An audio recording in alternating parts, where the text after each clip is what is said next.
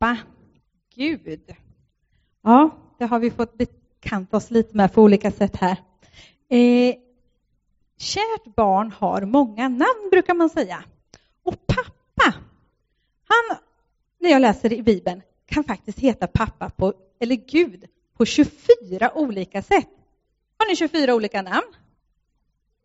Någon kanske kallas Stumpan eller Kickan eller något sånt där lite extra eller älskling ibland eller så kanske. Men har ni 24 smeknamn? Nej, ah, inte jag heller. Nej, inte vad jag vet. Ah, det är om Henke Muttra kanske, men det vet jag ingenting om. eh, några av de här som nämns är ABBA. Inte det rockbandet, då, utan Gud kan heta ABBA. Och inte fisk heller. Nej, ABBA. Herren Sebaot, herrarnas herre, den mäktige, ordet, den sanne, den väldige och fader. Hos oss så pratar vi svenska. Och Gud hos oss vet man inte riktigt varifrån det ordet har kommit egentligen. Utan kanske långt bort ifrån någon gång för länge, länge sedan att det var Gud som kom från ett ord som kallades Guh, som betyder rop. Ropa. Och det kan ju vara så här att vi faktiskt ropar efter Gud när vi säger ordet Gud. Gud, hjälp oss. Gud, tack för att du är med. Och det kan man ropa ut ordet Gud. I engelskan så betyder, eller då säger man Gud, då säger man God istället. Är det någon som kan engelska här, som har läst det lite? Några stycken kanske? Ja, ja det är bra. Då vet ni att God. Och det tror man kommer ifrån god, att Gud är god.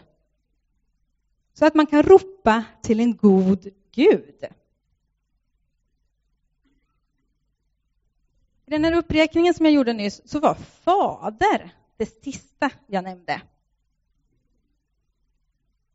Men vad betyder det ordet egentligen? Någon som vet? Alltså det är ett ganska gammalt ord, fader. Någon här som vet vad det betyder? Vet Noel?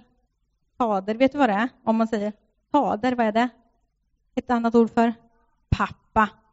Just det, pappa. Och fars dag som det är idag, det är ännu äldre, far, eller hur? Det är också ett ord, pappa.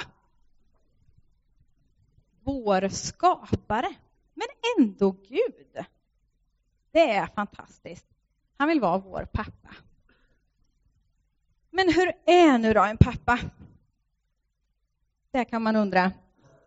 Och nu tänkte jag så här, gå lite ner här på jorden, inte hålla mig så högt, utan hur kan en helt vanlig pappa vara? Eh, de kan ju vara på olika sätt.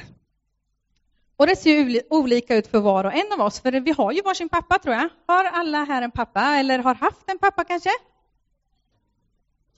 Ja, några av er har en pappa. Ja, annars så är det väl någon annan variant, ja. Jungfrufödsel. Ja, eh, men det är spännande. Jag tror inte någon av er är Jesus. Jag tror alla här har en pappa på jorden. Eh. En del har en bild av en sträng far. När jag var liten så hade jag en kompis. Där jag tyckte det, vi, vi, vi kompisarna vi hade det jättekul ihop.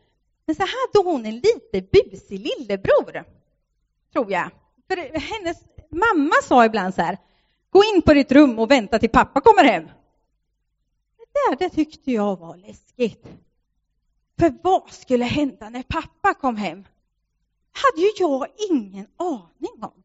Jag tyckte det var lite läskigt att någon liksom sa oj, och i, i min fantasi så kunde det där bli precis vad som helst som man inte får göra med barn nästan. Men det kanske egentligen handlar om att pappa sa till barnen att nu får du faktiskt skärpa dig och det blir inget lördagsgodis. Kanske var så mycket. Men i min värld så, ja, fantasin är farlig hörni. Den kan sätta skräck i, i vilket barn som helst. Och nu när jag är vuxen så är jag nästan så att jag skulle fråga den här tjejen, vad hände egentligen när pappa kom hem? För man, man blir lite fundersam som barn. Och jag tyckte det var läskigt och ibland så vågade inte jag gå in till henne och leka faktiskt, bara för det där. För det var inget sånt som hände hemma hos mig, att mamma sa vänta du till pappa kommer hem. Min mamma tog tag i det och sa så här får du inte göra. Men det är så olika olika familjer. Och man fick be om förlåtelse.